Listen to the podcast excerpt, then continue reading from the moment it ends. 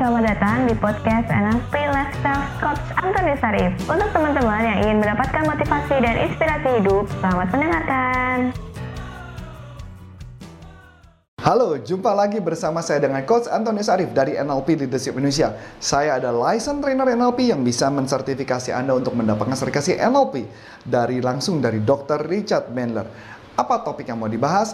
Kita akan membahas bagaimana caranya mengatasi buat Anda yang punya bisnis dan mentok, bagaimana caranya supaya bisa mengatasi mentok. Tapi sebelumnya, kita simak yang berikut ini. Check this out.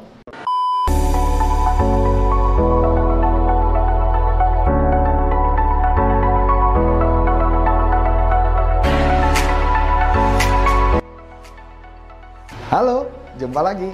Yes, banyak orang yang ngerasa dirinya ketika mentok dari sebuah bisnis merasa bahwa mereka harus cari bisnis lain.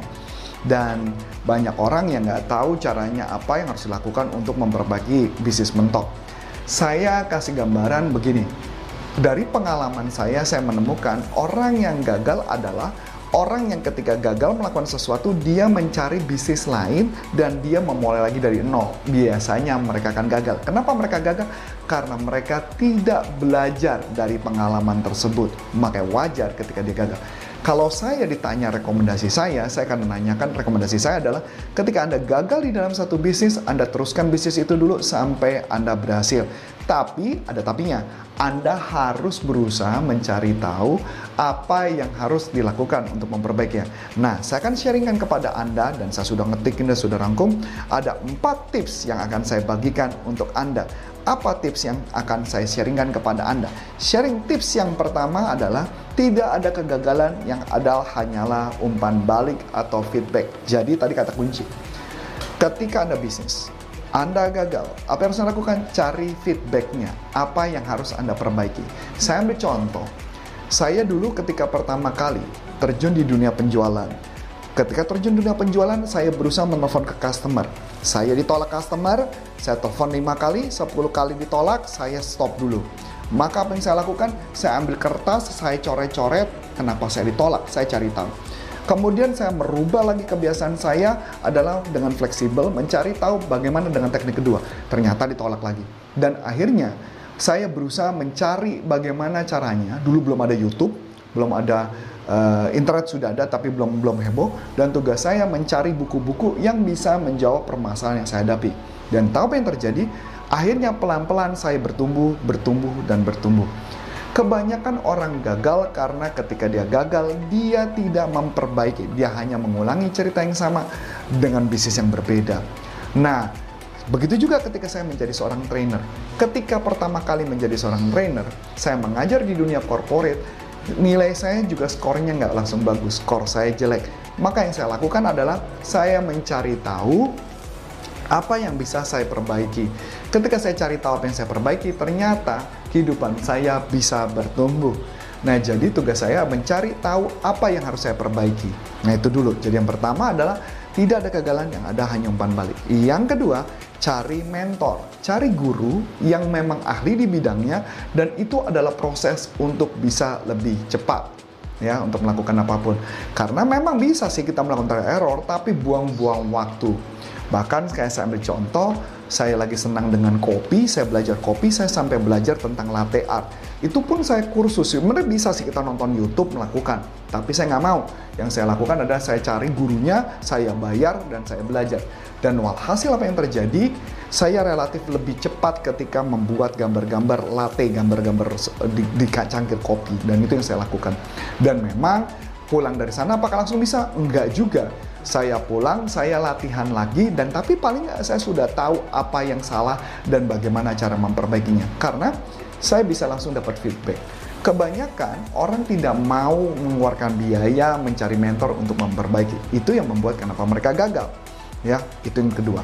Yang ketiga adalah, nah ini yang saya lakukan biasanya saya melakukan teknik NLP yang disebut namanya perceptual position.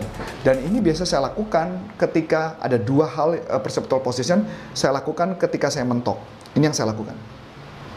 Ketika saya mentok di bisnis, yang saya lakukan yang pertama adalah saya membayangkan dalam proses meditasi, saya sering banget meditasi, saya latihan cikung pagi-pagi sambil meditasi, saya cuma membayang kalau saya punya problem A, anggaplah problemnya tertentu. Ketika problem tersebut, saya membayangkan kalau ini adalah guru saya, kira-kira guru saya akan melakukan apa? Ya saya bayangin guru yang dalam arti nyata atau saya kagum dengan satu orang, sebutlah namanya siapa, kira-kira kalau dia dalam masalah tersebut, apa yang dia lakukan untuk menyelesaikan masalah itu. Lucunya ketika saya berpikir itu, saya dapat solusinya loh. Nah ini yang menarik, ketika berpikir saya dapat solusi, ketika berpikir dapat solusi, itu yang saya lakukan. Jadi di kepala saya adalah saya selalu mencari apa yang saya, saya lakukan atau guru saya melakukannya. Nah, itu yang saya sebut namanya perceptor position. Dan kadang saya juga melakukannya sambil mandi. Misalkan contoh, saya sambil mandi, sambil guyur, saya mikir permasalahan saya. Dan lucunya, saya selalu kalau saya jadi dia, apa yang dilakukan? Kalau saya jadi dia, apa yang saya lakukan? Dan ternyata cara itu yang membuat saya berhasil. Nah, ini yang saya lakukan. Saya selalu melakukan dengan cara itu. Nah, yang ketiga, yang keempat adalah melakukan modeling atau mengamati orang-orang yang sukses. Saya ambil contoh. Ya, saya ambil contoh. Kebetulan saya lagi ada bisnis uh, bisnis makanan, tapi bisnisnya memang belum sukses dan saya yang benar-benar baru dalam proses yang nol. Makanya gimana cara saya melakukannya? Saya mengamati orang-orang yang sukses di bidang tersebut. Dan ketika saya mengamati, saya menemukan sesuatu yang menarik. Jadi buat saya, saya tidak suka ketika ketika kita gagal, kita hanya fokus pada problem kita, tapi kita mencari tahu orang yang sukses melakukan apa. Dan saya amati, dan ternyata saya menemukan banyak hal. Kebetulan saya melakukan bisnis, ada melakukan di uh, bisnis makanan online, dan yang saya lakukan adalah mengamati orang-orang yang sukses melakukan apa. Dan tugas saya hanya meniru saja yang mereka lakukan. Dan ternyata penjualannya naik loh. Jadi hanya meniru saja penjualan naik. Berarti sebenarnya nggak susah-susah banget kok ketika kita melakukan bisnis men bisnis kita mentok. Kita hanya cukup mengamati, belajar dengan orang hebat, membayangkan kalau orang itu akan melakukan apa, dan itu yang terjadi. Yang paling penting adalah jangan rubah bisnis, jangan rubah alur. Dan itu di dalam NLP yang disebut modeling. Saya memahami cara kerja itu, dan itu yang saya lakukan. Dan ini mempercepat proses karena kalau ada orang yang butuh waktu 1-2 tahun, saya nggak terus suka dengan proses 1-2 tahun karena buat saya 2-3 bulan aja udah kelamaan buat saya.